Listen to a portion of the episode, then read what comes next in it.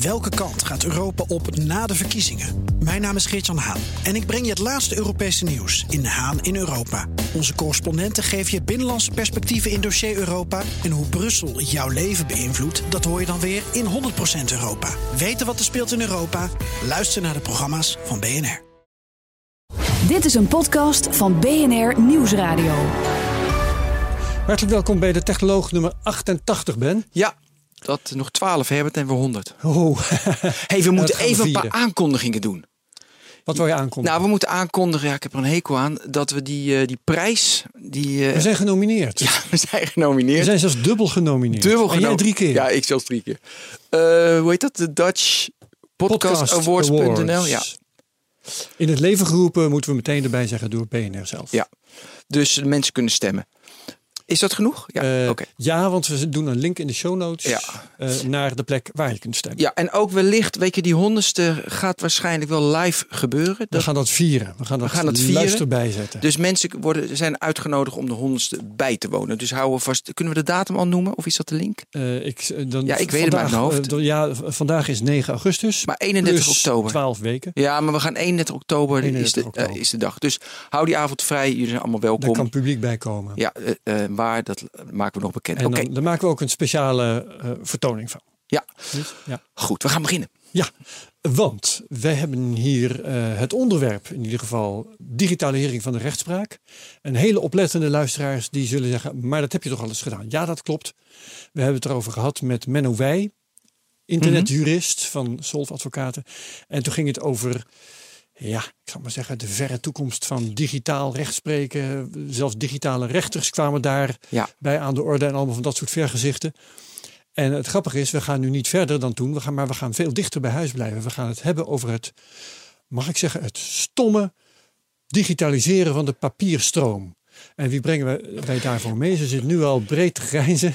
Claudia Heemskerk van de Lexin Groep. Welkom. Dankjewel. Ja. Mag ik dat zeggen? Dus het stomme digitaliseren van de papierstroom? Uh, dat mag je sowieso zeggen. Maar ja. uh, uh, het ligt natuurlijk iets genuanceerder ja. wat dat betreft. Nou, eigenlijk niet, vind ik. Omdat het, het, het, digitaliseren van, van papierstromen moet eigenlijk... We, we nemen nu de rechtspraak om daarin te duiken. Maar dat gaat veel breder. Want het is ja. weet je, heel veel papier. Weet je, word je moe van pff, gedoe. En het is veel makkelijker als je alles digitaal doet. Dus daarom ben ik blij dat je nu ga, ons gaat vertellen hoe je nu alles digitaal krijgt. Ja, maar ik zal even toelichten waarom ik het zo noem. Het stomme die.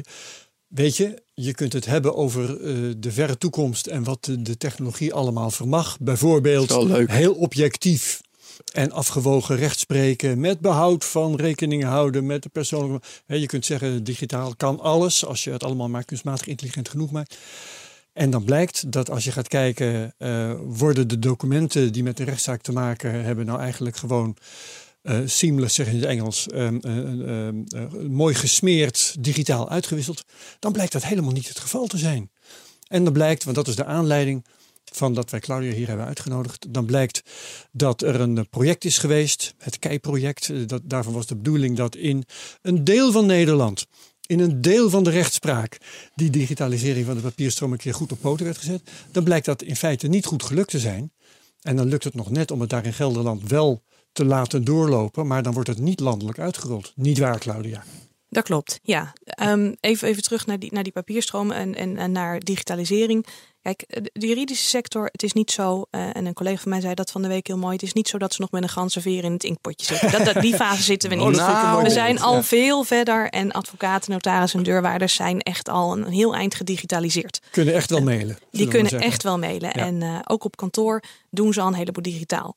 Um, waar zit nog wel het knelpunt? Um, nog niet volledig digitaal. Er zijn nog heel veel kleine stapjes alleen al te zetten om efficiënter te werken. En waar zit de juridische sector? Waar hebben ze mee te maken? Een stukje wetgeving. Uh, zo terugkomend op dat stukje uh, rechtspraak. Uh, een stukje wetgeving. Dus niet alles mag digitaal. Maar geef even het hele proces dan nu aan. Wat dus nu wel digitaal al gaat en wat nog niet digitaal is, wat nog met papier gaat en wat dus nog niet mag digitaal. Ja, nou als we kijken naar, naar uh, het digitaal procederen, dan uh, mag je dat op dit moment nog en dan kan je dat eigenlijk op dit moment ook nog niet digitaal doen. En ik onderbreek je meteen, ja. want ik vind dat uh, een verwarrende uitdrukking. Uh, het komt door het beeld dat ik dan krijg. het beeld dat ik krijg bij digitaal procederen is dat je allemaal thuis blijft en documenten ergens heen stuurt. En dat dan ergens een, uh, misschien nog wel net een menselijke rechter, maar een rechter die je niet meer ziet, een oordeel gaat vellen. Maar zo is het niet. Nee, Digitaal procederen is echt wel een rechtszaal met mensen die tegen elkaar aan zitten te praten.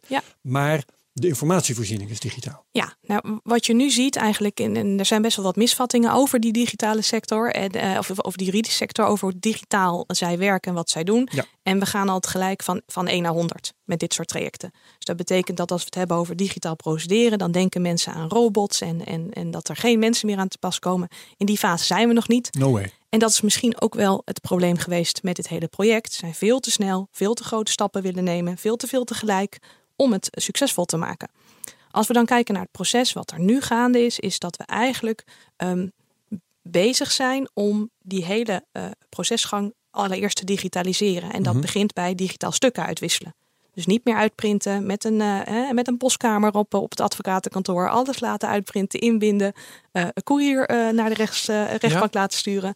Maar eigenlijk zou je willen naar in, in basis een digitale postbus. Ja je gewoon nou, je stukken naar kan, sturen. Zijn, ja, precies. Maar dit is toch de. Dus, maar dit is toch gewoon afdwingen? Dit is toch gewoon, jongens, het mag niet meer anders. Ja.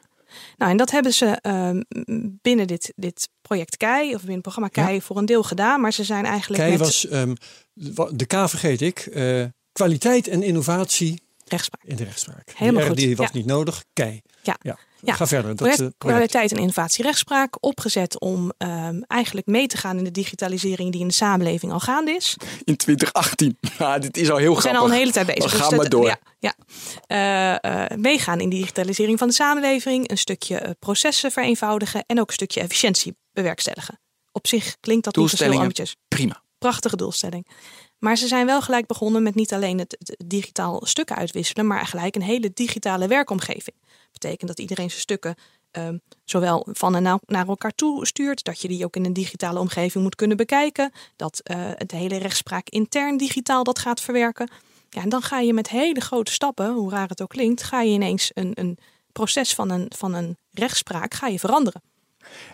Maar niet, bedoel je, dat is voor de mensen was het ineens veranderen, maar zeg maar qua techniek was het natuurlijk makkelijk, toch? Ja, ja, voor, nou ja, goed. Maar de mensen konden dat niet bevatten. Een groot deel ligt bij de mensen, inderdaad. Je gaat met, uh, en dat heeft niet eens met digitalisering te maken, heeft te maken met verandering. Als je ineens op een hele andere manier gaat werken en je weet niet precies hoe, of, uh, dan, dan moeten mensen daaraan wennen. En uh, was gewoon custom-made software dus gebouwd? Of hebben ze zelf iets gebouwd? Of ja, nou, als je dan kijkt naar zo'n proces, dan wordt in eerste instantie wordt er een, een, een, wet geschreven. Die moet door een, door een Tweede Kamer, door een eerste. Er gaat een heel proces overheen. Dat was een wet waarin moest staan dat, het digitaal mocht. Ja, daar moest in. Uh, Want dat mocht nog niet allemaal digitaal. Nee. Ik neem aan dat in. Nee, maar waarom eigenlijk niet? Dat moet je ook nog vertellen. Nou ja, ja vertel het maar, Claudia. Ja, waarom dat niet zomaar mag, is omdat je natuurlijk met een heleboel uh, vraagstukken te maken hebt. Een stukje veiligheid, een stukje uh, controle op zaken. dat, dat is wel. Het gaat over zulke privacygevoelige en, en nou ja, belangrijke stukken dat je niet zomaar ineens digitaal kan procederen. Nee. En, en stond misschien ook in de de wetgeving van voorheen, waar nu nog het grootste deel van het land onder valt, volgens mij, uh, dat uh, woorden als documenten en uh, misschien ook zelfs wel papier, waardoor je in nieuwe wetten in ieder geval moet neerzetten dat het ook digitaal mag. Dat het digitaal mag, maar, maar denk aan een, een ondertekening. Ja, nou inderdaad. Ja, welke stukken mogen dan inderdaad digitaal en wat is dan een geldige handtekening? En daar heb je ook weer allerlei gradaties in met een handtekening die je normaal als op schrift zet of die je kopieert. Of de, er zijn allerlei regels en procedures voor wat er dan wel en wat er dan niet mag. Ik heb altijd bij dat soort dingen, dan denk ik van, denk eens aan, hebben we het over robotisering, dan gaan banen verdwijnen, het wordt verschrikkelijk. Als ik naar jouw verhaal luister, heb ik altijd van, er gaan geen banen verdwijnen. Mensen verzinnen weer van alles erbij. Dat soort processen kunnen allemaal. Het kan zoveel makkelijker door de digitalisering. Maar mensen op een of andere manier willen ze het niet. Dan nou, gaan ze toch weer een procedure verzinnen waardoor je toch weer uit moet printen. Ik noem maar wat. Ja, nou, jullie verwezen net naar de, naar de eerdere podcast met Menno Wij. En uh, uh, daarin zei Menno eigenlijk ook al. Um, je gaat nu een stukje waarde toevoegen. Dus het werk wat je kan automatiseren, het standaardwerk, het, het eenvoudige werk, wordt gedigitaliseerd. Dat zou je willen. En dat betekent dat er werk overblijft om waarde toe te voegen aan hetgeen wat je doet. Mhm. Dus uh, het vraagstuk of een advocaat of een rechter dadelijk in zijn geheel niet meer, van, ja, niet meer nodig is, ja, dat, dat, dat zo'n vaart zal dat niet lopen. Je hebt altijd een stukje menselijke maat nodig. Je hebt altijd een stukje kwaliteit nodig en een stukje afweging. Ja, maar jouw verhaal, want we bleven vandaag heel erg dicht bij huis, is zelfs dat we het, het standaardiseren, het makkelijker maken, dat dat zelfs wordt tegengehouden. Want dan moet weer wetgeving komen en één handtekening mag wel digitaal, de andere handtekening mag niet weet je, digitaal. Ja. Waardoor je het ook onnodig complex weer maakt. Ja, nou dat is denk ik nu wel het grootste. Het is ook onnodig complex gemaakt. Het, het, het uitwisselen van stukken met de rechtspraak, de manier waarop je dat als leverancier uh, middels in een heel specifiek ons geval een aansluitpunt uh, wordt, wordt opgezet. Dat is vanuit een, een ICT-kant gezien onnodig ingewikkeld. We kunnen uh, al heel makkelijk soms documenten heen en weer sturen met elkaar. En de manier en de manier waarop de rechtspraak daarmee werkt, ja, die hebben zoveel regels en procedures en systemen dat dat um, ja, vanaf een buitenkant soms onnodig ingewikkeld lijkt. Beschrijf jij nu de procedure die er uh, nu in het grootste deel van het land nog bestaat met papier? Of beschrijf je de procedure die is ontstaan in dat KEI-project? De procedure die is ontstaan in het KEI-project. Juist. Ja, dus het grootste deel de van het land. tot digitaliseren was uh, te ingewikkeld. Was te ingewikkeld. Ja. Is te ingewikkeld. Ja, is, is in die zin ook nog steeds te ingewikkeld. Dus ja. dat is nu ook wat de rechtspraak heeft aangegeven, is dat ze binnen dit, dit deel van het project. Uh, het staat nu pas op de plaats, staat nu stil. En we gaan nu uh, uh, opnieuw kijken naar hoe dat ingericht moet worden. Als we, uh, de rechtspraak gaat opnieuw kijken hoe het ingericht ja. moet worden. Ja. Gaat een advies geven aan, aan de minister. En dan gaan we naar een, een eenvoudigere ambitie. Het, mm -hmm. Terug naar idealiter dan nu. Om in ieder geval een stap te maken naar die digitale postbus. Ik ga Ik... nog even een, sorry Ben, um, even een toelichting vragen. Want jij zegt nu de rechtspraak. Ja. Um, daar, dat kom ik wel meer tegen in, in stukken hierover. Um, maar volgens mij bedoel je in dit geval de Raad voor de Rechtspraak niet? Of, of bedoel je de rechtbanken? Uh, Wat is de rechtspraak? Ja, nou de, de rechtspraak, uh, um, daarmee bedoel ik ze eigenlijk allebei. Want die hebben allebei een rol in dit, uh, dit traject. Ja. je hebt de Raad voor de Rechtspraak die eigenlijk alles hieromtrent regelt. Ja, die heeft nu besloten dat dat KEI-project, dat Gelderland digitaliseren en zo, uh, overigens alleen, wat was het ook weer, uh, bepaalde civiele zaken, hè? civiele ja. handelsvorderingszaken, ja. tot 25.000 euro. Ik heb het allemaal zien staan. Ja. Uh, dus het is een, een, een heel bescheiden. Het gaat alleen over civiele handelsvorderingszaken ja. boven de 25.000 euro. Daarvan heeft de Raad voor de Rechtspraak besloten dat die niet landelijk wordt uitgerold. Dus dat het voorlopig alleen even in Gelderland Ja, nou, een besluit komt in die zin vanuit het, vanuit het ministerie natuurlijk. Uh, uh, de Raad voor de Rechtspraak heeft een aantal adviezen gegeven wat er nu zou kunnen en moeten gebeuren, hoe verder. Maar mm. uh, dat stukje is nu stil. En eigenlijk is dat dus, um, nou ja, om, om heel dat is een heel klein stukje van het rechtsgebied.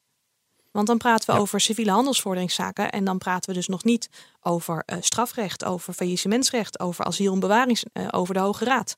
Het zijn allemaal andere um, nou ja, bijna eilanden waar ja. ook nog ja. digitaliseringsslag gaande is. Hoge Raad is vast een hele aparte noot nog om te kraken. Ja, en dan moet ik zeggen dat ze daar op dit moment wel al de stap hebben gezet naar die digitale postbus. Ja, dus daar draait het al. Ah, oké. Okay. Ja. Ja, ja. ja, ja. Hm. Um, ja ik, nou, ik wil dieper op ingaan, weet je, waarom het zo complex is. Ik wil, ik, toevallig las ik vandaag dat de TikTok, dat is een video-appie in China, met acht man zijn 200 dagen, beetje programmeren ze. 200 dagen, ja. Nemen ze 100 miljoen gebruikers. 1 miljard video's per dag. En dan zeg je, is totaal wat anders. Nee, weet je hoe moeilijk het is om in 200 dagen 100 miljoen gebruikers te krijgen. Weet je, de, weet je de, de, dus dat is ook complex en moeilijk en lastig. En acht jongens, die doen dat.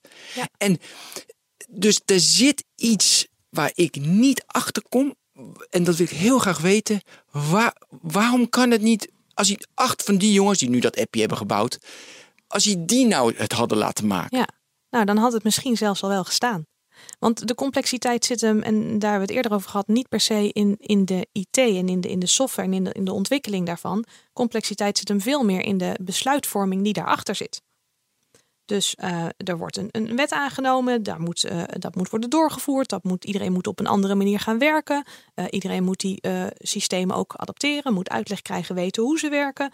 Um, je hebt dan heel veel regels te voldoen voordat je zomaar zo'n IT-project even uitrolt. Ja, maar iedereen die volgt cursussen en, um, en ze hebben webinars en dan zien ze ja. allemaal van, van hoe je om moet gaan met de digitale wereld. Weet je, en ja. dat doen ze allemaal, moeten we, al, ja. moeten we allemaal doen. En uiteindelijk, weet je, houden ze alles tegen. Doe, ik heb voor mezelf En het is verschrikkelijk om te doen, maar ik weiger nog papier te gebruiken. Dat is heel moeilijk. Echt in deze tijd zonder papierwerk is echt heel moeilijk. Maar ik vind dat digitale wereld, dan moet je dat doen. is even lastig. Dus je, en dan heb ik van, dan leg je toch gewoon bij wet op van, jongens, je mag niet meer papier gebruiken. Het moet digitaal. Ja. Nou, wat je nu zegt is inderdaad, uh, dat is een, een, een hele logische oplossing. Je besluit het en het moet en even door de zure appel heen en, en we gaan door in het, in het advies uh, wat wij bespraken was ook, we moeten ook door. Je hebt nu zoveel partijen die hierbij betrokken zijn. Iedereen heeft een mening, iedereen heeft een stukje. Op een gegeven moment ga je het ook onnodig complex maken. Want op het moment dat je het ziet, wil je het verder, wil je het verder ontwikkelen, wil je meer mogelijkheden. Um, ja. Advies vanuit onze kant aan, aan de rechtspraak is nu inderdaad opnieuw een architectuur opzetten en op een gegeven moment ook gewoon besluiten. Wat je net zegt, besluiten. Het gaat nu digitaal. En als je kijkt naar, naar wat er nu is ingevoerd bij Min-Nederland en Gelderland, waar we dus digitaal procederen, waar je in die handelsvorderingszaken, daar moet dat nog. Dus het is op dit moment ook best complex in de markt. Afhankelijk van het type zaak van de rechtbank moet je soms op papier, soms digitaal. Dat is dus loopt naast elkaar. Um, daar ging het eigenlijk ook helemaal niet zo slecht. Dus uh, um, er zijn een heleboel partijen, met name leveranciers, maar ook een heleboel advocaten, een heleboel deurwaarders, die ook flink balen van het feit dat je nu zegt van wat er stond, stond best, best oké. Vinden we van alles van, maar we waren digitaal aan het procederen. We hebben de stap gemaakt en nu staan we weer stil. Want er is op allerlei manieren geïnvesteerd. En die investering. Er is heel veel geïnvesteerd. Die gaat nu niet over het hele land renderen. Uh, dat is. Nou, niet over het hele. Die gaat gewoon niet renderen. niet renderen. Dat betekent dat er, eh, er zijn uh, bedrijven geweest uh, um, die specifiek hierop hun um, software hebben gebouwd. Die, die hiervoor zijn opgericht. Die deze, ja. En die hebben nu in principe eigenlijk...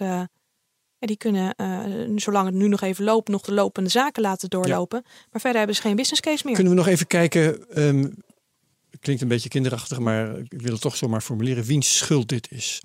Uh, want je hoort vaak als er IT-projecten mislukken, dan ligt het bijvoorbeeld aan uh, softwaremakers die te veel ambities hadden. Of, um, of aan politici die uh, te veel hebben gewild. Of aan mensen in organisaties die dwars zijn gaan liggen. Kun je ergens de vinger opleggen waar het grootste probleem heeft gezeten? Nou, er is een, er is een onderzoek geweest die eigenlijk een analyse van dit hele traject heeft gedaan. En die, die geven daarin toch wel aan zonder met te wijzen van wie heeft nu de schuld. Maar een van de grootste knelpunten, problemen die zij benoemen, is dat er hier waren heel veel kapiteins op schip. Dus daar zit een, een, een groot probleem.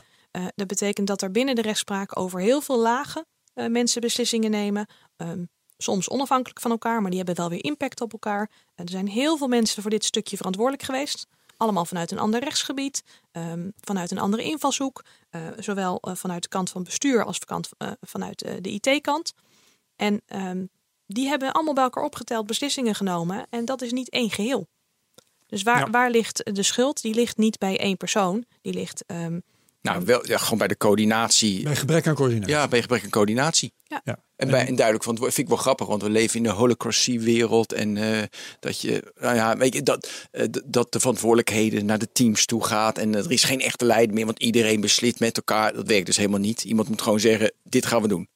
Uh, in, in dit project, uh, als je, je, kunt, je kunt niet, je, dan ga je wel gissen, maar in dit project lijkt het erop dat er wel behoefte was, in ieder geval op een bepaald moment, aan één iemand die een totaalplaatje en dan met name dat totaalplaatje ja. uh, zou hebben. Aan de andere kant, we zeggen wel mislukken en, en waar heeft aan gelegen.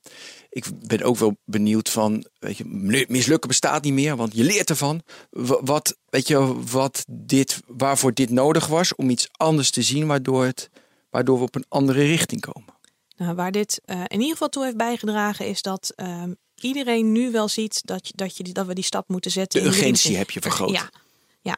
Als je nu kijkt, um, nu moet je terug naar um, uh, jouw uh, gevreesde papier voor een deel. Je moet terug naar, naar printen, je moet terug naar faxen, je moet terug naar een wereld waarvan we met z'n allen zeggen, dat is niet de wereld waar we in willen. We willen ook allemaal digitaal. En um, dat, wordt, dat is denk ik, de, nou ja, de winst hier wel uit. Alle partijen willen dat. De rechtspraak wil die stap, uh, het ministerie wil die stap, advocaten, notarissen, deurwaarders.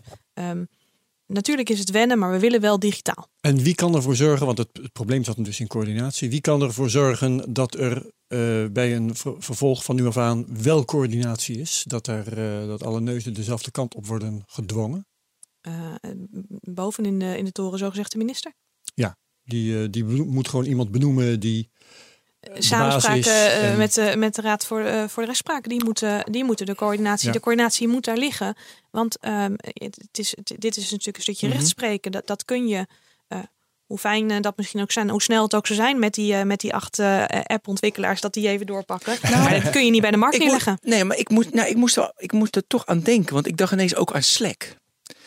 Kijk, slecht, weet je, dat zijn vier jongens die wilden een multiplayer game maken. En die woonden, ja. Eh, tweede wonen in Chicago, nee, twee in San Francisco, eentje in Vancouver, één in, in New York. En ze moesten werken met Google Docs en, en met e-mail. En dat vonden ze allemaal vervelend. Dus denk ik, nou, we gaan een tool maken die wel werkt. En ah, dan... Er zijn zoveel van dat soort verhalen. ICQ ja, was ook een man of drie, vier. En YouTube, dat waren er twee. Nou, en Slack, weet je alweer, eh, deze week een nieuwe fundingronde paar honderd miljoen. Maar goed, vanuit de tool die zo goed is, willen we zo graag mee werken dat we het met liefde omarmen. Waarom is in jouw wereld dan niet een tool ontstaan waarbij iedere advocaat de hele rechtspraak en noem ze alle rechters, iedereen zegt van dit is een verademing. Nou, misschien is Slack wel een perfect instrument. Nou, maar er zijn, er, zijn ook, er zijn ook talloze tools. Die, die zijn er al. Dus het is niet zo dat er, dat er niets is. En daar maken uh, juridische kantoren gebruik van. Uh, daar maken wij als leverancier, wij, wij, bouwen en maken die, die tools. Dus tools zijn er, zijn er uh, meer dan genoeg. Maar de gebruiksvriendelijkheid is dus niet zo groot dat we allemaal, zo wij nu massaal overstappen op Slack. Weet je, dat, want dat is zo fijn. Of... Ja, maar ondanks dat het heel fijn is, want ik vind het ook een hele, hele fijne tool en ik vind het een hele fijne app, loop je wel tegenaan dat verschillende mensen verschillende systemen gebruiken. Uh, en daarbij, uh, dan toch maar even terug naar, naar dat stukje wetgeving. Um, je mag niet zomaar als, als advocaat je stukken op die manier gaan uitwisselen. Nee, privacy, uh, ja, dat, dat, dat, dat, is eigenlijk de gebruiksovereenkomst. Ja, de, nee, er zijn maar, er zijn maar genoeg mensen die zeggen: zet het even op de e-mail. En ook terug naar, dan, naar de burger die, die ja? recht gesproken wil hebben. Natuurlijk zeggen de meeste mensen heel fijn: zet het even op de e-mail. Maar dat is net zo fijn totdat het een keer gehackt wordt en een keer op straat ligt. En dan dus vinden we het allemaal niet. Dus het moet wel heel gedegen, het moet wel heel goed um, onderbouwd. Ja, maar goed, ik haal nu in Slack. Als, misschien is Slack natuurlijk niet de tool, maar ik kan me voorstellen dat er wel een tool wordt gemaakt in jouw wereld. Waarbij het wel encrypt is en secure is. En ja, perfect. Nee, maar die, die zijn er ook. En dus... Nee, maar niet goed genoeg zodat mensen het gaan gebruiken. Uh, nou ja, goed genoeg dat ze het gebruiken tot aan de deur van de rechtspraak. Want daarna. Mag het niet. Mag het niet. Dus uh, het is niet zo. Er zijn, er, zijn, er zijn zat tools die een heleboel kantoren en er zijn uh, zat leveranciers. dit is mhm. gewoon een, een, De juridische markt is ook gewoon een, een commerciële markt waar allerlei leveranciers toepassingen um, in de markt zetten die gebruikt worden, die afdoende zijn. Uh, waar start-ups op dit moment hun weg in vinden. In dat hele project Kei, hoeveel, uh, als je die, die, die hele documentatie wordt digitaal maakt, is er ook een business case gemaakt voor hoeveel meer efficiëntie je krijgt? Hoe, ja, dat is natuurlijk heel moeilijk, weet ik wel, maar ik wil even die, eh, die gedachtegang. Nou, die business case, kijk, of die bij de rechtspraak volledig gemaakt is, ik zit niet in, ja, ik zit niet aan de keukentafel bij de rechtspraak. Ik zit niet daar, dus daar kan ik voor hun niet, niet bepalen. Ik kan vanuit de leveranciers bekijken. We hebben uh, de, de, verschillende leveranciers die hier ingestapt zijn om hier de toepassing te bouwen tot aan de rechtspraak en zo verder. Uh, die hebben voor zichzelf allemaal een business case op dat moment gemaakt. Um, ja, maar de business case is dan, het zal een SaaS-service zijn en iedereen die betaalt zoveel per maand en dan het kost me zoveel om te maken. Nou, ja. makkelijke, ik snap hem. Ja. Maar hoeveel, als ik die 100 euro per maand betaal om jouw tool te gebruiken, hoeveel bespaar ik nu? Kijk, en als ik Slack gebruik, kan ik dat ook nu. Dus ik weet dat die moeilijk is, maar je hebt wel een. Nee, maar dat is natuurlijk de uitdaging aan, aan, aan, in dit geval aan een leverancier, om dat aan een, een advocaat eh, ja, duidelijk te maken. Maar wat maak je dan duidelijk? Nou, je kunt daarin, en dat is afhankelijk van, de, van het type kantoor, maar als je nu kijkt naar een, een, een middelgroot kantoor wat, wat regelmatig procedeert en je gaat even naar de huidige situatie toe, dat betekent dat uh, op het moment dat je, uh, je start een zaak. En dat betekent dat je begint met alles uh, verzamelen, bij elkaar brengen. En uiteindelijk, als je alles compleet hebt, ga je het uitprinten, ga je het inbinden, doe je tabblaadjes ertussen, um, stuur je het op. Lees. Dus de, de, als je die stappen allemaal doorneemt en je gaat dan kijken naar wat is een business case, dat je zegt, hé, hey, maar wacht even, ik druk op een knopje in mijn systeem en die verzamelt alles bij elkaar en ik druk op verzenden en ik ga door. Die business case is niet zo heel moeilijk uit te leggen aan Nee, want ieder uurtje wordt betaald. Dus het businessmodel ja. van die advocaat weet je, klopt eigenlijk dan niet. Want ze hebben geen, kijk, ze hebben geen belang om het efficiënter te maken. Want als ze het niet efficiënt maken, hebben ze meer uren, verdienen ze meer geld. Nou, ik denk dat de advocatuur wel in dit geval uh, een stukje belang heeft bij dat efficiënter maken. Kijk, het, het, het, het hele repro-werk wat hier aan, aan, te pas komt, dat doet een advocaat in niet in alle gevallen zelf. De grote nee, kantoren. Uiteraard dus, niet. Nee, maar dus, snap je zijn, wel wat ik bedoel? Nou, die markt, die markt is nu concurrerend binnen de advocatuur. Dus als zij efficiënter kunnen werken en daarmee ook uh, hun tariefstelling anders kunnen neerzetten naar de burger, is dit voor hun ook een voordeel dat het efficiënter wordt. Dus ik denk dat advocatenkantoren er zeker wel bij gebaat zijn dat dit digitaliseert. Wat mij opeens te binnen schiet, dat is een uh, parallel met uh, iets waar ik me wel uh, in verdiept heb, de stemcomputer. Daar heb jij in verdiept, ja, Herbert. Het, het, bijzondere van, van waar we het nu over hebben, dat is, nou, jij, jij noemt de veiligheid, hè, Claudia? trouwens, ik, ik onderbreek mezelf eventjes, omdat ik me geleidelijk begin af te vragen: heb ik eigenlijk wel geïntroduceerd waar jij van bent? Volgens mij niet. Heb ik dat gezegd, Ben? Nee. Nee, hè? Zie je wel? Je bent van de Lexin Groep. En dat is een bedrijf, dat, of een, een, conglomeraat eigenlijk, hè? We eh, zijn, een club eh, van bedrijven die uh, eh, ICT-dienstverlening doen. Ja, ja, we zijn een samenwerkingsverband. nee, een samenwerkingsverband tussen, tussen acht ICT-bedrijven. Uh, ICT-gerelateerde bedrijven die uh, ICT-producten en diensten leveren aan advocaten, notarissen en deurwijzerskantoren. Ja. Dus heel specifiek. Daar hadden we het net erover. Dat is een. Uh, um, ja. En daarin leveren niet alleen producten en diensten. We organiseren onder de naam Pleit een groot kenniscongres om ze te helpen. En daarnaast, dat is misschien goed weten, ben ik ook als projectmanager betrokken bij Dutch Legal Tech. Waarmee we een, een heleboel meetups, bijeenkomsten, uh, een community van inmiddels meer dan duizend, uh, duizend mensen uh, bij elkaar brengen om die volgende stap in digitalisering, legal tech teweeg te brengen. Dus we doen heel veel aan kennis, voorlichting, informatieverstrekking om um, samen met de juridische sector die stap te zetten. Zo, dat is dan bij deze rechtgezet. Dat moest nog eventjes. Komt ook in de show notes staan. Dus um, mensen die via de pagina van de technoloog op de BNR-site bij deze podcast komen, die weten toch al als jij eenmaal het woord neemt. Maar goed, um, stemcomputer. Jij noemde beveiliging. En eh, dan begin, begin ik langzaam te denken, ja, er is, uh, wat is het, 200 miljoen of zo geïnvesteerd in iets wat nou niet doorgaat. Uh, dus wat nou business case? Er is nu een business case met een dik vet minteken ervoor. Ja. Uh, terwijl en nu kom ik bij die stemcomputer. Een bijzonderheid van papier, dat hebben we ook in verband met die stemcomputer gemerkt, is dat het intrinsiek best wel behoorlijk beveiligd is. Papier is vrij moeilijk te hacken. Ja. Um, dus als Ben over een business case begint, dan denk ik ja, ja dat komt zodra je dingen wilt mhm. digitaliseren, dan dwing je jezelf tot het uh, gieten van grote hoeveelheden geld in een gat waarvan je niet direct weet wanneer het vol is en er, en er geld uit gaat komen. Dus uh, hoe wordt daarover gedacht in de juridische sector? Zijn er mensen die zeggen, jongens, dat papier is eigenlijk veel beter? Want dat, daar is best wel ook wel een zaak voor te maken. Ja, als je toch over er zijn in de juridische sector uh, niet meer de meerderheid zeker, maar daar, daar, blijven altijd mensen die papier beter blijven vinden. Die, ja, die, die, nee, die, die, die, die, wereld is daarin op sommige vlakken nog soms heel En dat kan zijn omdat ze eraan gewend zijn of zo, maar uh, je kunt ook beredeneren dat papier hele, eh, hele eigenschappen heeft voor het juridische werk. Nee, ja, we, we, kunnen, we kunnen heel erg inderdaad, uh, we kunnen grapjes maken over, over die fax inderdaad. Uh, ja, maar die jullie nog steeds wel... leveren bij Lexen, hè, als ik me niet vergis. ja, en dat is we moeten ook wel, want kantoren hebben het nodig. Dus hm. het is, uh, kijk, als onze voorkeur. Uh, nee, ze gebruiken het. Ze hebben het niet nodig, ze gebruiken het. In sommige gevallen hebben ze het ook echt wel nodig hoor. Ja. ja, nee, maar kijk, Herbert, wat jij zegt, dat is natuurlijk mooi. Maar wat je wel ziet in een trend, omdat, weet je, Facebook heeft negatieve effecten. De hele digitalisering heeft negatieve effecten. Er zijn er mensen die zeggen van je moet van Facebook af en je moet, en je moet alleen nog maar papier gebruiken. Dus die gaan terug. Ja. Naar mijn idee moeten we juist naar voren dat je het zo goed mogelijk gebruikt, de digitalisering. Want het heeft voordelen.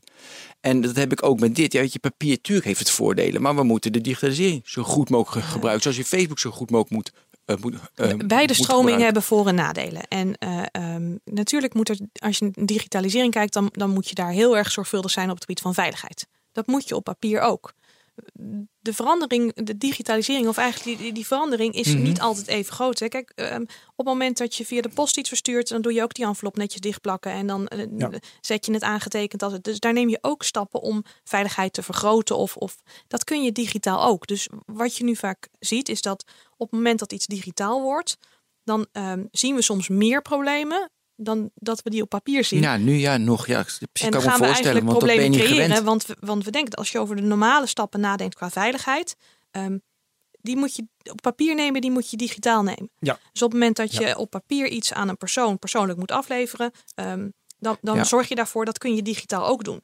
Je moet er wel over nadenken en ja, ja, ja, ik digitaal is ingewikkelder. Ja. Het papieren proces hebben we ook beveiligd met allerlei stappen, maar daar zijn we al helemaal aan gewend. Dus we denken dat dat allemaal vanzelf gaat. En, en we snappen het allemaal. Het allemaal nog eventjes uitvinden. Ja, daar, daar, we, snappen, en dat is natuurlijk wel een, een, een, nou, een lastige uh, situatie. Op papier snapt iedereen, ook iedere burger, dat iedere, die envelop dicht ieder, moet, die snapt bla, bla, bla. wat het proces is. Digitaal zit er soms een stukje achter wat, wat je niet ziet, wat je niet kent, wat ongrijpbaar is.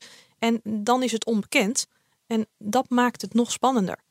Dus ehm, kantoren die, die die digitale stap en ook de rechtspraak, een, goede voorlichting en die kennis vergaren die er echt is, um, ja, dat is wel belangrijk. Ja, mag ik nog even terug naar dat uurtje factuurtje? Want jij, ja. ja, want dat was voor mijn gevoel nog niet af. Want naar mijn idee is het dus, je hebt geen belang om efficiënt te worden. Want als ik klant ben van een advocaat, dan wil hij zoveel mogelijk uren maken, want dan verdient hij meer aan mij. Want ja, dus 10 uur, als je ook als assistent dingen uitzoekt, 10 uur is keer 100, 200 euro, nou klaar.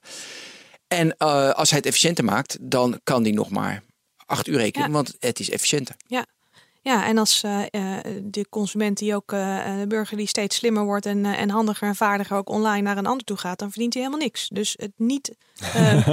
je moet die het wel in acht uur doet. Die het wel in acht uur doet. Dus die hele discussie omtrent uurtje, factuurtje en prijsstelling en, en of het nou een fixed fee moet zijn of dat je en of het door een verschillende mensen moet worden gedaan, omdat je dan in tariefstelling kan variëren. Dat is een hele lastige die nu gaande is binnen de juridische sector. En ja, um, uurtje factuurtje, dat is, dat is de basis. Dus het is goed om dat vast te houden. Maar het is natuurlijk geen houdbaar verhaal voor de lange termijn. Nee. Dus uh, voor een advocaat om te digitaliseren en die stap te maken, nog even terugkomend op, op, op Menno zei, je wilt toch ook graag de inhoudelijke zaken behandelen. Je wil toegevoegde waarde leveren en je wil, ja. lijkt mij, als je, je hebt niet voor niks uh, een, een studie gedaan en jezelf ontwikkeld om iemand advies te geven. Om dan um, zo lang mogelijk te laten duren. En ondertussen, ondanks dat die wetgeving misschien eigenlijk loopt techniek wel voor op wetgeving, maar ondertussen is deze, ook deze juridische wereld natuurlijk wel stappen aan het zetten. Dat betekent dat er aan alle kanten uh, start-ups uh, verschijnen die uh, juridisch werk en zeker ja. standaard juridisch werk uit handen proberen te nemen van. Ja. ja. En geef ze ongelijk, want het is nog een, nog een markt die nog niet Wat zie jij wat echt een mooi verhaal is van een disruptor in de juridische markt dat je denkt van wow, dit is echt niet normaal? Er zijn, er zijn er meerdere. En uh, wij, zijn, uh, wij organiseren de Legal Tech Startup Awards. Uh, één keer, in principe één keer per jaar. En daar brengen we start-ups samen die een oplossing hebben voor de juridische markt. Het meest wonderlijk is dat een heleboel start-ups soms helemaal niet zelf ook helemaal niet doorhebben dat ze een oplossing voor de juridische markt hebben. Ze zien dat niet altijd als een, als een markt. Maar noem eens een voorbeeld. Ja, dat, dat kan zijn inderdaad in uh, documentstromen. Dat kan zijn in een oplossing om. Um, afgelopen jaar heeft een. Het is nou een internationale uh, wedstrijd uh, die, wij, die we organiseren. Dus afgelopen week heeft. Of afgelopen um, juni heeft een o Oostenrijkse start-up heeft gewonnen. En die hadden een, een tool ontwikkeld die teksten heel snel makkelijk door kon nemen en lezen. Dus die kon. Op een, op een goede manier de juiste informatie uit een tekst samenvatten, zodat je veel sneller je werk kon doen. Gaaf. Prachtig mooie tool. Uh, uh, twee jaar geleden um, de eerste Startup is award is gegaan naar een partij die eigenlijk op basis van de urenregistratie een analyse doet en dan uh, kijkt of jij wel efficiënt werkt en hoe je dat beter kan doen op basis van data die voorheen bekend was. Prachtig mooie start-up die het hartstikke goed doet. Digitale manager. Ja. ja. Hey, maar even over die teksten. Dus hij maakt een samenvatting van de 100 pagina's. En daarna ging iemand het lezen en die samenvatting van. Nou, samenvatting haalde bepaalde stukken uit die, uit die tekst. Om, om jou eigenlijk de hoofd, de, de, de highlights, de belangrijkste dingen te laten lezen. Ja. Ook in allerlei talen, want je zegt een Oostenrijkse start-up, dan denk ik dat. Ja, nou, die dus moet, ja, precies. Dat is in eerste instantie natuurlijk in, uh, in, in, in het Duits taal. En, en um, maar het is wel een ontwikkeling die, kijk, als we dan kijken naar, naar de toekomst, uh, taaltechnisch, dat, dat zal niet het grootste vraagstuk zijn nee, nee, om uiteindelijk door te ontwikkelen. Dus dit Vraag kun je uiteindelijk verder, ja. Uh, ja. verder doorzetten. En dat heeft natuurlijk nog wel wat, wat vaak. Maar er zijn hele mooie, er zijn heel veel hele mooie start-ups, initiatieven, ook in de juridische sector, die, um, um, ja, die, die nu stappen maken. Uh, een digitale handtekening was uh, de tweede winnaar in dat verhaal. Dat is toch een vraagstuk waar we met z'n allen best wel mee worstelen. Want op het moment dat je die handtekening moet zetten, wil je dat bij voorkeur ook digitaal kunnen doen. Meestal ja. zijn easy gewoon. Of, maar Microsoft zal toch zeggen dat kunnen we al lang? Ja. Ja. Ja. Dat, dat zal in die zin. Microsoft, uh, die, die, zullen überhaupt niet zeggen dat ze iets niet, niet kunnen. Maar um, ja, bij Microsoft moet je ook natuurlijk altijd wel goed kijken. Maar digitale, uh, nu doe ik digitaal, ik doe alleen maar digitale handtekening, maar doe ik gewoon Sign Easy of Sign Now heet die geloof ik. En dan teken ik op mijn, weet je, op mijn mobiel en klaar. Dat is toch het hele principe, dus toch niet zo nieuw? nou ja, dat is in die zin op dat vlak nog niet zo nieuw. Maar dan zou je wel ook, um, en dat is ja, te lastig om zo te zeggen het klopt, maar is, is jouw handtekening rechtsgeldig? Ja, natuurlijk, want ik, ma want ik maak die handtekening. In, in alle gevallen, in alle situaties met waar jij hem nu uh, nou, maakt, is dat te controleren dat jij hem hebt gemaakt?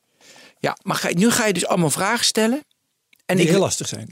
Nee, maar kijk, nee, ja, nee, dat nee, heel lastig. Ja, ja. Nou, maar dat, weet je, daardoor werp je bergen en barrières op, waardoor je innovatie, digitalisering tegenhoudt. Waar, nee, maar, maar Ben, ja. de, de tegenwerping, is jouw handtekening dan rechtsgeldig? Dat is, dat is niet uh, zeiken of zo. Dat is, gewoon, dat is gewoon de vraag. Eh, staat ergens in de regels dat jij op die manier mag tekenen? Nou ja, het, is de basis voor de juridische sector weer. Want op het moment dat uiteindelijk jouw handtekening niet rechtsgeldig blijkt te zijn, heb je een mooie zaak. Maar wacht nou even. Uh, ik heb gewoon een, uh, dus wat, een letter of intent. Een LOI teken ik. Gewoon, ik krijg hem binnen, ik teken hem, klaar. En, en hoe teken je hem dan? Gewoon met mijn vinger op mijn mobiel met sign-on. En ik doe een datum erbij. En ik doe, en ik doe een plaats erbij. En ik stuur het terug. Ja. Nou, klaar. Maar, maar lijkt het dan op jouw echte handtekening? Ja, natuurlijk. Nou ja, dat vind ik helemaal niet zo natuurlijk. Als, als ik zo'n koerier aan de deur krijg en ik moet tekenen op ja, precies hetzelfde. schermpje. Ja, wat is er helemaal heb je 88 versies van je eigen handtekeningen ja, maar, Oké, maar even gewoon een... Dan denk ik ook van, stel dat iemand dit gaat controleren... en dat ik moet zeggen of ik dat heb gedaan zelf... Dan weet ik het helemaal niet. Dat nou, alleen maar ja, nou ja, het lastige is, ik zou, dan zouden we elkaars handtekening bijna kunnen maken. Want hij is toch bijna niet herkenbaar. Het is goed een kruisje zetten. Ja. Maar goed. Uh, uh, ja, maar wacht nou even. Nu zie je heel erg dat de handtekening die jij zet met een pen op papier. Ja, dat is altijd wel, dat, kan je wel controleren. Maar goed, is dat rechtsgeldig, eh, is rechtsgeldig of niet? Mijn NDA of mijn LOI die teken? Dit is dit is niet, niet, hier kan ik niet zomaar ja of nee op zeggen. Want daar zit het dus. En daarmee houden we innovatie. En ik denk zeker dat, dat deze start-up innovatie niet tegenhaalt, maar een stap maakt. Deze, deze start-up die in de juridische sector dus bezig is, die kijkt wat zijn dan die regels? Waar moet ik aan voldoen? En op basis daarvan zorg ik dat ik het duidelijk maak en die digitale handtekening mogelijk maak. Innovatie in de juridische sector wordt door een stukje wetgeving. Um, nou, tegenhouden is natuurlijk wel een beetje de negatieve, negatieve insteek. Die wordt uh, wel, wel belemmerd. Het, het, het, is, uh, het recht heeft daar wel een, uh, door, maar een klein stukje. Uh, en dat is ook niet zo makkelijk zomaar te veranderen. Het komt omdat wetten niet altijd technologie neutraal zijn, meestal niet zelfs. Nee, en, en daar ook helemaal geen rekening mee gehouden is bij het überhaupt maken van, van de wet. Als we helemaal teruggaan naar, naar die digitalisering, of de digitalisering van de rechtspraak en die wetgeving daar nu draait. nu staat dat voor een deel stil. Als je die wetgeving nu aanpast of, of doorzet, dat roept toch allerlei vragen op. Want je kunt wel zeggen van nou, we zetten het nu dan maar door en dan mag het op papier. Maar dat moet je dus wel in regels en in uh, uh, vaststellen. Wat mag je dan en wanneer mag je dat dan en hoe zit het dan met de andere partij? Ja. En ja, dat maakt het um, zonder wet en regelgeving waren we qua innovatie in de juridische sector heel veel verder. Ja, en je kan namelijk twintig jaar nadenken met duizend man over hoe die, wet, hoe die wet en regelgeving eruit moet zien, hoe je dat precies moet doen. Daar ga je over discussiëren, daarom gaat het ook mis. En je kan ook denken van, Ben met zijn handtekening, sign onze LOI, we proberen het, gaat vier keer fout of niet goed, dan komt er een zaak en daar hebben we weer van geleerd en we gaan weer door. En gelukkig doen we dat ook. Dat soort dingen gebeuren natuurlijk oh, ook. Dus beide dingen gebeuren? Beide dingen gebeuren, natuurlijk. Oké. In, in die zin, uh, uiteindelijk moeten mensen natuurlijk ook gewoon... In de nee, het is, uh, we zaten niet bij die gansfeer. Dat, dat hadden we al vastgesteld. We zaten, en, natuurlijk doen we dat ook. Kijk, uh, gemak dient ook wel een beetje de mens. En dat is natuurlijk in een hele digitaliseringsvraagstuk soms een, een lastige. Op het moment dat je iets digitaal wil doen en je wilt ook helemaal veilig doen... dan, dan gaat er een klein stukje gebruikersgemak soms af. Want er zit een veiligheidshobbeltje in. En Um, daar zijn we het allemaal over eens. Met z'n allen. Iedereen zal het erover eens zijn dat, dat de rechtspraak, dat het alles wat daar gebeurt, dat dat helemaal veilig moet zijn. Maar we vinden dat, dat geldig tot het moment dat we gewoon iets voor elkaar willen krijgen. Want op het moment dat we een zaak hebben, willen we inderdaad liefst gewoon e-mailen.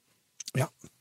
En daar, um, dat, is een, dat is een lastig speelveld. En dat moet mhm. wel uitgezocht worden. En daar kan je niet van de ene op de dag veranderen. Daar, uh, ja, daarin zie je wel dat dat tijd nodig heeft. Het heeft wel te veel tijd nodig op dit moment. Want de hele samenleving digitaliseert net even iets harder dan dat je nu in, in de juridische sector ziet. En ja, dat is zonde, want dit is ook gewoon een, een, een, een branche. Een, een, juridische kantoren zijn ook gewoon net bedrijven. Die moeten ook gewoon verder.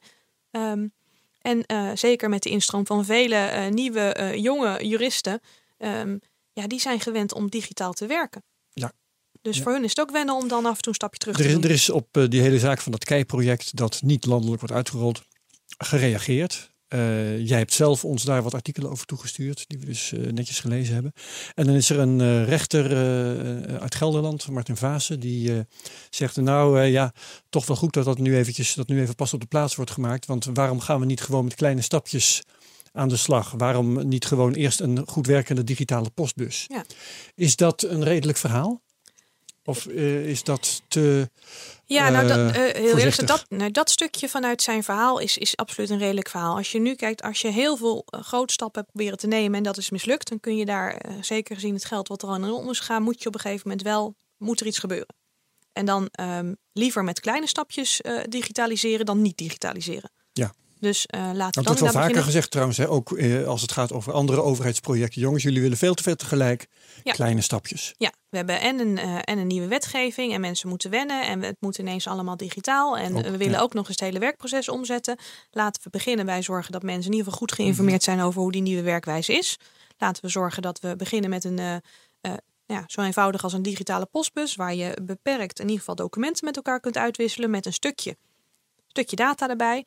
Um, bovenal uh, het advies, bouw het systeem wel zo dat je nu al op berekend bent dat het dadelijk groter moet worden. Dat er meer data aan moet worden meegegeven, dat je voorbereid bent op wat gaat komen. Maar dat kun je doen. En dan kan je nu met kleine stapjes beginnen. Kunnen mensen eraan wennen? Kunnen, kunnen systemen daarop aangepast worden? Um, want ook daar, uh, die stap wil je natuurlijk voor een groot deel ook maken.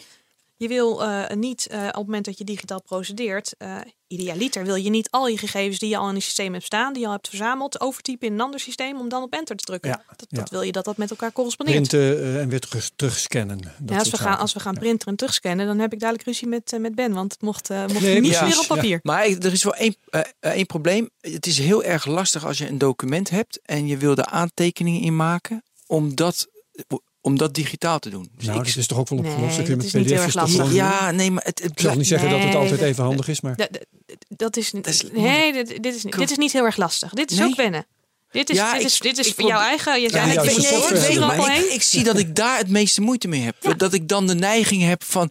Oeh, is lekker om een beetje te krassen. Een beetje daar en daar. Dat is het toch ook? Is het ook? Ja, weet ik, maar dat mag niet. Maar dat is wel. Oh, ja, nee, maar dat is. Oké. Dat is het ook. Dus wat je nu beschrijft is eigenlijk ook uh, in, in hele kleine vorm uh, hetgeen wat aan de hand is. Het is lastig, je, je moet die stap nemen. Het is een andere manier van werken. En op het moment dat het heel vaak heel lastig is en je moet wel door, eh, dan, dan, dan haak je af. En dat wordt nu gezien als zijnde... Dat hebben we gehad, je moet het, je moet het verplicht stellen, weet je wel, bij wet. Anders worden, worden ze gesoet. Nee, maar als je, weet je, als je, toch, als je dat doet, het is op zich wel leuk om te zeggen van de zweep erover en uh, heel stoer. we benoemen een sterke man en dat soort dingen.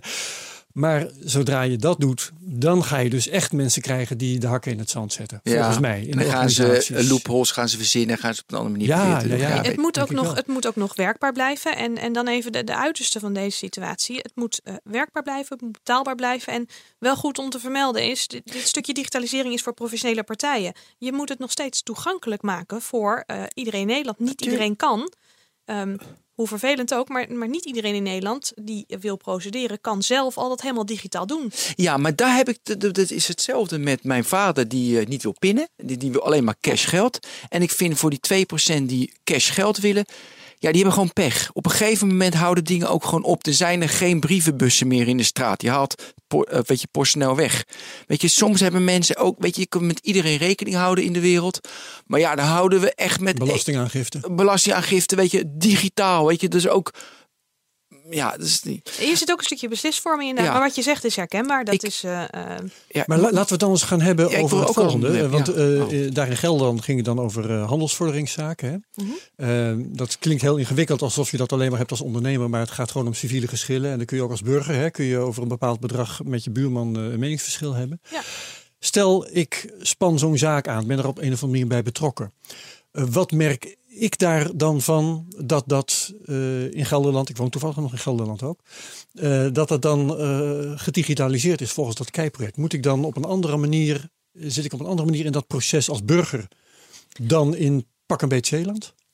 Um, in, in zoverre zit je op een andere manier in dat proces dat je, um, dat je dan dus in een, in een digitaal, digitale omgeving je zaak kan bekijken.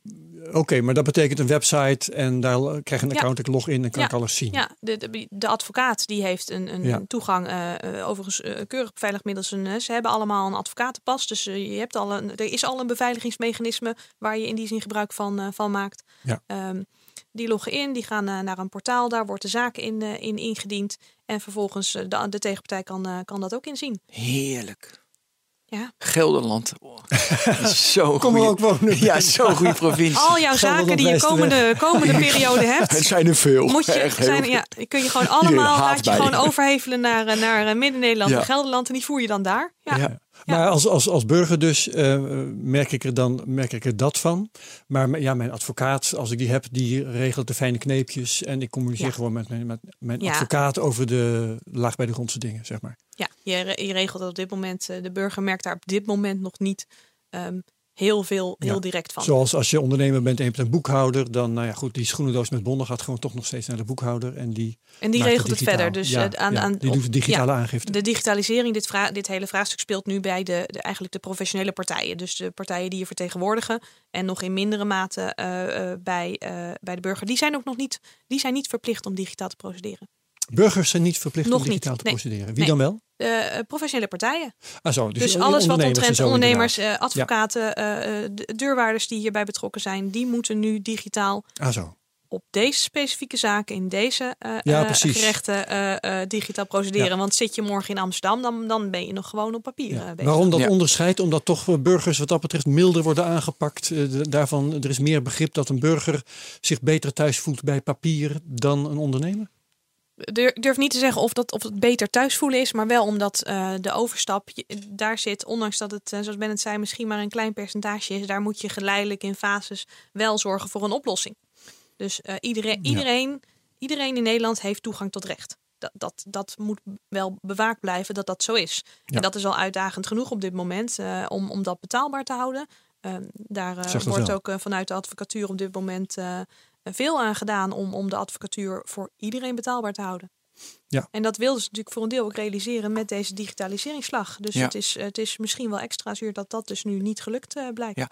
Eh, weet je wat mij opvalt, Herbert? In, waar, waar digitalisering makkelijker gaat en moeilijker gaat, het gaat moeilijker in industrieën waarbij de uitkomst uh, meer, een, zeg maar, zeg maar, meer vaststaat. Dus in de rechtsstraat eh, staat, weet je, als je met recht, dat moet gewoon, ja, dat moet, dat moet vaststaan. En bij heel veel consumer dingen, of in het bedrijfsleven, of je nou links of rechts gaat, uiteindelijk, weet je, moet je wat marge houden, moet je wat winst maken. Dus dan is het dus, als uitkomst niet vaststaat, is het makkelijker. In de gezondheidszorg lastig, want het gaat over leven en dood. Dat, dat, weet je, dat is meer fixed. Dus dan wil je meer van tevoren weten van, hoe gaat het goed? En vaak in de digitalisering weet je niet wat de uitkomst is. Want weet je, dan ga je dat kleine stapjes, die rechter in, uh, in Arnhem was het. Uh, nee, in Gelderland, fase. Uh, weet je, in kleine stapjes waar je uit. Dat maakt niet uit waar je uitkomt, want je komt ergens wel goed uit. Je, je, je moet ook daarin zorgvuldig zijn. Je moet alle stukken hebben om tot een, tot een afweging te komen. Of je gaat ook in de gezondheidszorg en ook in de rechtspraak. ga je ook accepteren dat de uitkomsten iets meer fluïde zijn dan dat je nu eist. Ja, maar kijk, de uitkomst. Of ga ik nu echt nee, veel nou, te ver? Nou, nee, maar de, kijk, de uitkomst in een, in, een, in, de rechtspraak staat de uitkomst uiteindelijk. Als het goed is, in het beginsel niet vast. Nee, dat is op basis van alle stukken nee, ja, wordt, wordt, er, wordt er uiteindelijk een beslissing genomen. Maar die, die rechter heeft wel. Uh, het is noodzakelijk dat hij uh, maakt parallel met de gezondheidszorg. Het is noodzakelijk dat je alle stukken, alle informatie hebt om je beslissing te nemen. Precies. En dat moet dus digitaal heel goed uh, ondervangen zijn, zodat iemand niet uh, met halve informatie uh, of dadelijk zegt, ja, ik had iets niet, um, zijn beslissing neemt. Ja, nou ja, ik, ik zie zo ineens van inderdaad dat, dat het daar, omdat het alle stukken moeten er zijn, dat is heel erg fixed. En in het bedrijfsleven, is, ja, dan gebeuren dingen, dan ga je ineens links, rechts. Maar dat is omhoog, geen, geen, geen papieren of digitale, uh, uh, geen papier of digitaal vraagstuk. Er ja, was vandaag een artikel over faxen in, in Duitsland. Daar was een um, een fax te laat binnengekomen, waardoor een asielzoeker was uitgezet, maar die fax was niet op tijd binnen. Het is dus niet dat, dat vraagstuk van alle informatie hebben om je afgewogen beslissing goed te kunnen nemen. Um, dat geldt in de papieren wereld, dat geldt in de digitale wereld. Dat moet je alleen ondervangen. Ja, klopt. Maar in de digitale wereld is het meer gebruikelijk dat de uitkomst niet vaststaat dan in de analoge wereld. Want in de analoge manier van werken, in, in het analoge manier van denken, weet je, zet je veel meer een plan op. Wat wil ik bereiken? En dan moet ik bepaalde stappen doen om dat te bereiken. En in de digitale wereld, eh, Facebook, Mark Zuckerberg, ik gooi je tegen de muur en ik kijk wel wat blijft plakken. Nou, maar weet je, om het heel erg uit te vergroten. Ja. En dat is dus precies de andere kant. Dat zou de rechtspraak, weet je, we proberen wat en we kijken wat er plakt. Dat vinden ze moeilijk, want nu is zo'n keiproject mislukt. Ja, maar als je. Uh, nou, twee dingen eigenlijk. Ik denk dat, uh, denk dat in de papieren wereld ook best wel af en toe dingetjes worden geprobeerd en gedaan. Alleen dan zien we het minder snel. Digitaal zie je dingen veel sneller. Mhm. Maar op het moment dat de rechtspraak zegt, nou, we, we, pakken het op en we gooien het en we kijken of het plakt. de rechtspraak handelt niet. Dat is geen privébedrijf. Die handelt met het geld wat wij met z'n allen uh, daaraan hebben bijgedragen. En uh, als dat bij een Facebook gebeurt, nou, denk ik dat er ook wel wat mensen die daarin geïnvesteerd hebben, er misschien wat van vinden. Maar dat is nog maar dan hadden ze maar niet moeten investeren. ja, dat is nog in ieder geval een eigen Want je weet dat hij dat gaat doen. Ja, op dit moment, als we nu tegen alle burgers zeggen, joh, het is helaas niet gelukt, het kost 200 miljoen, maar we hebben het wel geprobeerd, want we keken of het ging plakken. Ja, daar, daar, kan je natuurlijk, daar kan je niet meer aankomen. Dat accepteer jij niet. En toch zou ik het mooi vinden als een samenleving meer zo zou denken van, ja, weet je, we hebben, wat hebben we ervan geleerd? Weet je, het is niet A geworden, maar het is B geworden. wetenschappelijk onderzoek werkt zo, hè? Ja, precies. Iets, en dan ben ik heel erg voor. Uitkomt, ja. Ja, dat, dat weet je niet. Als we het wisten, hoefden we het onderzoek niet te doen. Ja, nou, ja. dus ook weer, ja, mooi. Dat, dat had ik. Ja, nou, ik denk, ik denk uh, iedereen die uh, net als jij heel erg voor die digitalisering en die stappen is, die, die gelooft ook dat je daar inderdaad dat je dat graag wil. Hm. Maar um, je hebt wel te maken met overheidsgeld. En, en, dan kan je niet zomaar uh, um, zeggen, ja, dit gaan we even, dit gaan we even proberen. Um, Wat wel blijft staan is, uh, het project uh, staat, nu, staat nu stil. dat hebben we eerder besproken. Um, laten we alles wat we dan geleerd hebben wel meenemen. Laten we het stukje wat is wel eens blijven plakken. Laten we daarmee kijken ja. hoe we het nu beter kunnen inrichten. Misschien in kleinere stappen. Maar uh, zoals we met eigenlijk maar goed, alle de belangrijkste wel, les wel was, stappen. De belangrijkste les was dat er geen sterke leider was die zei we gaan naar het noorden. Uh, dus dat moet je nu hebben. Maar in die hele structuur die me de, de afgelopen 50 minuten vertelt, denk ik dat blijft, dat, dat blijft heel lastig. Ja, maar de, de, dat heeft natuurlijk. Uh, het vraagstuk dat er heel veel mensen hierover meebesloten hebben, heeft natuurlijk bij de rechtspraak ook wel wat, uh, wat teweeggebracht. Dus je ziet ook daar dat ze uh, dingen anders aan het inrichten zijn. Dat daar uh, veel meer, dat ze ook zelf best zien dat het vanuit één centraal punt in ieder geval bekeken moet worden. Ja. Dus het goede nieuws. Um, rechtspraak is, dat, is daarmee bezig, is dat aan het veranderen. Ik moet ook eerlijk zeggen, we hebben keurig ook naar leveranciers een stukje persoonlijke communicatie laten weten hoe het zit, wat de stappen zijn, wat ze kunnen doen. Dus um, die zijn zich ook echt wel terdege bewust um, hiervan. Daar zitten een hoop mensen die ook uh, keihard jarenlang aan dit project gewerkt hebben, die er niet op uit waren dat het nu zover was. Die wilden ook, dus ook verder. Dus um, hetgeen wat we, hier, wat we hieruit hebben gehaald, wordt nu meegenomen. En je ziet ook bewegingen binnen de rechtspraak dat er meer overkoepelend iemand een verantwoordelijkheid heeft die al die rechtsgebieden meepakt. En die meteen kijkt ja. naar één totaaloplossing. Uh, waar in ieder geval iedereen in mee kan, dan al die aparte losse stukjes. Er is één aspect waar ik het nog even over wil hebben. En dat, dat sluit u wel een beetje op aan, denk ik. Dat is de software. Uh, de Raad voor de Rechtspraak heeft volgens mij, toen ze zeiden van uh, hier stoppen we even mee, uh, de schuld gegeven onder andere aan de software. Er was software van Oracle. Die werd gebruikt en die zou binnen afzienbare tijd niet meer worden ondersteund. En dat was een probleem. Um, wat voor vraag heb ik daarover? in de eerste plaats of dat of dat echt wel een probleem is. Want uh, een, een andere rechter, uh, iemand die betrokken was bij het KEI-project, de naam ontschiet me eventjes, een, een dame. Dorie Reiling? Ja, die uh, schreef eigenlijk dat dit meer een stok was om de hond te slaan dan een, een echte reden om het project stil te zetten. Ja, de, de, allebei een beetje. Um, ja.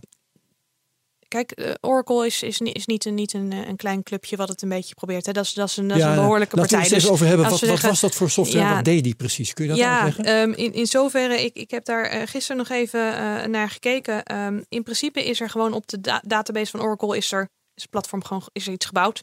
Ja. En um, dat Oracle ermee stopt. Nogmaals, dit zijn natuurlijk. Uh, kan niet, niet voor de rechts, rechtspraak spreken, maar mm. dit. Dat het niet meer ondersteund wordt. In die zin, uh, ze zullen uh, naar een nieuwe versie gaan. Ze zullen stappen maken, ook bij Oracle, en dingen veranderen. En daar zul je hoogstwaarschijnlijk in mee moeten. En als dan je basis die gebouwd is niet afdoende voorbereid is om naar een nieuwe versie te gaan. Dat zie je natuurlijk ook in een stukje software. Dat wordt doorontwikkeld, dat gaat verder. En op een gegeven moment um, moet je daarin mee. En de vraag is, in hoeverre kun je daarin mee? Hoe ver is hetgeen wat je gebouwd hebt op dat platform, is daarop berekend? En hoe, ver, hoe lang kun je daar nog in mee? Op moment, en wat zijn de kosten daarvan op het moment dat je daar uh, nieuwe stappen in maakt? Um, voor ons is dat een stukje gissen. Uh, als als IT-leverancier uh, horen dat de ICT het niet aan kan, dat, dat is natuurlijk een, daar, daar kun je als ICT-leverancier niet helemaal bij. Dan denk je nee, dat, dat kan niet. Er zijn zoveel mogelijkheden. Dat, dat zal absoluut genuanceerder liggen. Dus, uh, ja, dus dat is misschien toch een, uh, het, het, stok om de hond te slaan. Is daarmee de combinatie. Ik denk, ik, met nogmaals, het is dus echt een, een, een stukje aanname. Uh, er zal iets gebouwd zijn wat nu naar mogelijk een nieuwe versie, naar een nieuwe, naar een volgende, er moet een volgende stap genomen worden. Hoe moeilijk kan het zijn? dat zal, ja, dat zal dus toch te lastig zijn uh, met wat er gebouwd is om, om dat door te pakken. Een te grote investering of, of op de lange termijn niet voldoende zijn. Dus is er gezegd van ja, dan moeten we nu stoppen, want over anderhalf jaar lopen we misschien helemaal vast. En dat is natuurlijk een, een logische keuze. Uh, dat Oracle er volledig mee stopt, dat is, dat is natuurlijk niet, niet aan de orde. Ik, ik denk ook dat daar nog best wel wat gesprekken uh, zullen plaatsvinden op dit moment. En dan is het een combinatie van doorontwikkeling op zo'n platform. Was je daar voldoende op voorbereid? Was het voldoende in voldoende mate gebouwd om ook naar nieuwe versies mee te gaan? En als dat niet zo is, ja, dan is het natuurlijk, eh, zoals uh, uh, mevrouw Reiling die zin zei, een hele mooie stok om mee te slaan. Ja, ja, ja. ja. Maar um, je zegt dus eigenlijk tussen de regels door ook, dan heb je blijkbaar niet voldoende toekomstbestendig ontworpen. Dat is de, de meest logische aanname. Dat er uh, in, dat, in dat traject, um, um, ja, dat dat misschien, uh, nogmaals een stukje, dat, dat Oracle op dit moment misschien grotere stappen zet dan dat uh, er op dat, dat zij aan kunnen op dit moment. Ja, ja, ja. oké.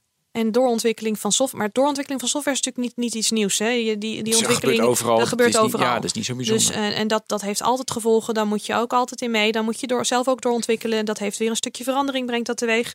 Ik denk dat een combinatie van hetgeen wat ze opgezet hebben, de, de, net even de grote ambitie, uh, combinatie van het moment van, van doorontwikkelen, dat alles bij elkaar opgeteld, heeft op een gegeven moment net op zo'n punt geleid waarvan je zegt, ja, en, en wat moeten we nu verder? Ja. En op het moment dat je zo'n best wel nou, drastische beslissing neemt als het stopzetten of eigenlijk het niet doorzetten van zo'n project, wat um, voor leveranciers uh, immense investeringen met zich heeft meegebracht, die nu allemaal eigenlijk in de prullenbak liggen, ja, dan moet je wel met redenen komen. Ja, zijn de, vinden de developers het interessant genoeg om aan een document management systeem te werken? Ik zit ineens te denken dat is voor heel veel developers toch niet zo spannend als aan een tekstanalyse systeem te werken, bijvoorbeeld. Het eh, ligt uh, aan, aan, aan, de persoonlijke kennis kunnen voorkeuren. Maar, er maar zijn, ik zie een beetje wat iedereen... Nee, ja, um, het ene onze, is iets... Nou ja, de, doet iets meer dan de andere. Wij zitten in een, in een, in een, in een commercieel bedrijf. Daar, daar hebben onze ontwikkelaars, uh, die hebben bij dit hele project... Um, dat hebben ze gebouwd, dat hebben ze uh, ontwikkeld. Die hebben netjes gedaan wat ze moesten doen en wat ze konden. Maar technisch heb ik nog niemand bij ons gehoord die zei van... oh, dit is, nou, hier, nee, ja, dit wordt lastig. Nee, ja, dit, dit kunnen we gewoon bouwen. Dit is zonder moeite in die zin voor, uh, voor ons als, als partij op te zetten, te bouwen. En dat doen we conform de, de, de richtlijnen die we van de, van de recht, uh, rechtspraak krijgen. En dan bouwen we er een stukje bij. Um, ja. ja, maar het is natuurlijk het is niet, veel niet spannender. Ja. Nee, precies. Weet je, het is natuurlijk niet zo spannend dan. Als je natuurlijk in eh, een architect die een heel apart gebouw bouwt, om dat dan te bouwen, is iets interessanter dan gewoon. Uh, Absoluut. Dit is, uh, dit is natuurlijk nog niet de. de we gaan nu weer met kleine stapjes. Dit is niet iets waarin je uh, vooruitstrevend de hele. De, de, de, basis moet nu gebouwd worden. Gewoon langzaam aan het afronden. Ben, had jij nog specifieke vragen? Nee. Die nog gesteld moeten worden? Oké. Nee, ik ga, morgen, ik ga morgen naar de notaris. En weet je, vraagt hij natuurlijk alles uitgeprint. En ik deed dus niets uitgeprint mee. Ik gewoon alleen maar mijn mobiel neem ik mee naar binnen. En zegt, heb je het? Ja, gewoon. En vanuit Dropbox stuur ik alles door en dan mag je het zelf uitprinten. Vanuit Dropbox? Ja. Wij moeten hier Heel na, wij moeten nog, ja, ja, wij moeten nog even naar deze uitzending oh, doorpraten. Ja, oh, krijg ik deze weer. Ja, ja, dit is een, nee, ik heb de voorwaarden uh, van Dropbox gelezen. Ja, weet ik. Nee, ik heb de voorwaarden van Dropbox gelezen. Die zijn echt erg, jongens. Ze mogen gewoon in je documenten kijken. Ze kunnen het veranderen. Ze mogen echt alles veranderen zelfs. Ja, dat staat in. Ja, ik heb dat allemaal gelezen. Ook van Google is nu iets genuanceerder. Maar als je Dropbox gebruikt... Vind je het gek dat die notaris daar geen zin in heeft? ja, dat begrijp ik ook wel. Je kan bijna Dropbox vragen om het bij de notaris dan Ja, precies. Nee, echt waar. Het is Dropbox is echt er zijn, dan zijn er toch wel betere diensten dan Dropbox die ja, hetzelfde doen. Dropbox is zo lekker gebruiksvriendelijk. Er oh, zijn, uh, maar misschien dat dat. Er zijn echt diensten die ook gebruiksvriendelijk zijn, die een stukje veiliger zijn. Een dreun door de mand. Ja. Nee, maar dat vind ik juist mooi. Dat vind ik mooi, want denk je, want en dit is ook. je modern bent dat je. Dat is ook heel menselijk. Weet je, dit is heel menselijk. Nee, dit is heel menselijk. Je gaat nu op basis van uh, terugkomend op het eerdere stukje. Ja. We zeiden net dat we allemaal vinden dat het veilig en vertrouwd en andere moet zijn. Tot het gebruiksgemak. En dan doen we allemaal ineens zijn we heel. En zolang het goed gaat, vind je het prima. Maar als jouw documenten daar op straat zijn, dan ben jij met Dropbox. Vind je Dropbox niet meer zo oh, leuk hoor. Ik kan maar één positief ding zeggen. Je hebt in elk geval die voorwaarden nog gelezen. Ja, precies ja. En ik dacht, ik ga gewoon door met Dropbox. Kijk en als het goed is, is, is binnen de kaders van notaris is jouw notaris ook al een heel eind. als het goed is, hebben wij ervoor gezorgd dat die notaris goed gedigitaliseerd ja, is. En dat je een heel groot deel niet meer op papier hoeft. Maar hoe, hoe reageert jouw notaris oh, op dit soort fratsen? Verschrikkelijk vinden ze ja, dit. Dat ja, echt. Ik moet uitpreken. Ik moet ook langs Waar, Maar waarom? Weet je, nee, weet je wat ik ook reken? Even dat ik langs moet komen. Ik zeg, ik stuur die troep op. Jij kijkt naar, je stuurt nee, terug. Ik teken het klaar. Staat, heden is aan mij verschenen. Ja, dat slaat wel verschijnen. Echt nergens op. ik, waarom moet ik daar langs? Omdat ze je identiteit moeten vaststellen. Ja, ik kan, toch, ik kan toch gewoon een kopie maken van mijn idee. En, en dat stuur ik ze op. En dan een Dropbox. En dan ja. meet ik naast Ja, kom op mensen. Ja, ja maar als je... Oh. En, en, ja, dit gaat in heel... Maar dit gaat dus ook in heel veel gevallen... Uh, dit is de manier waarop ook fraude gepleegd wordt. Hè, waarop het ook ja. fout gaat. Dus ze moeten dat op die manier doen. Ja, en dan ben ik de pineut omdat 1% van de mensen fraude ple ja. pleegt. Zo werkt het dus. Mogelijk vind ik dat. Ja, de goede moeten onder de kwade liggen. Maar uh, uh, ik denk dat uh, als het goed is, en dat kun je morgen bij je notaris dan meteen navragen, die is, notarissen zijn echt al een heel eind geautomatiseerd. Dus daar moet een heel stuk van jouw frustratie moet weggenomen kunnen worden. Wat ik nog wel vragen ben, vindt jouw notaris dit vervelend omdat hij, hij degene is die dan moet printen? Of vindt hij het vervelend omdat jij Dropbox gebruikt? Nee, Dropbox, dat weet hij niet eens.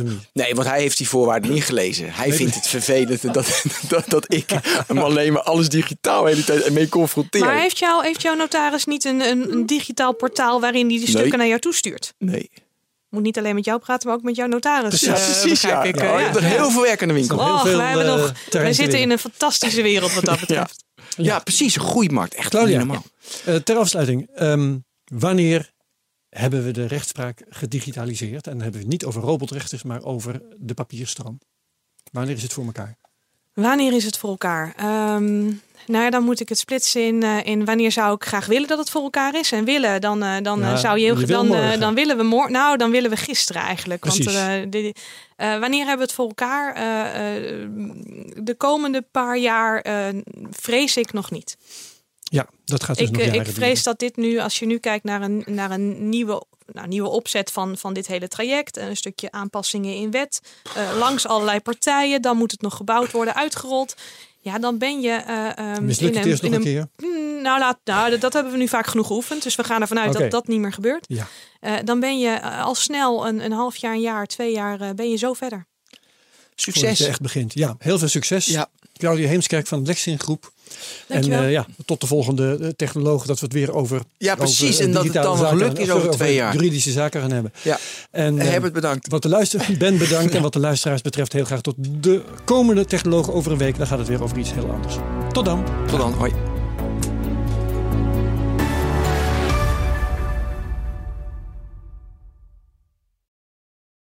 Ook Harm Edens vind je in de BNR-app. Je kunt BNR Duurzaam niet alleen live luisteren in de app, maar ook terugluisteren als podcast, zoals al onze podcasts. En naast dat de BNR-app Breaking News meldt, houden we je ook op de hoogte van het laatste zakelijke nieuws. Download nu de gratis BNR-app en blijf scherp.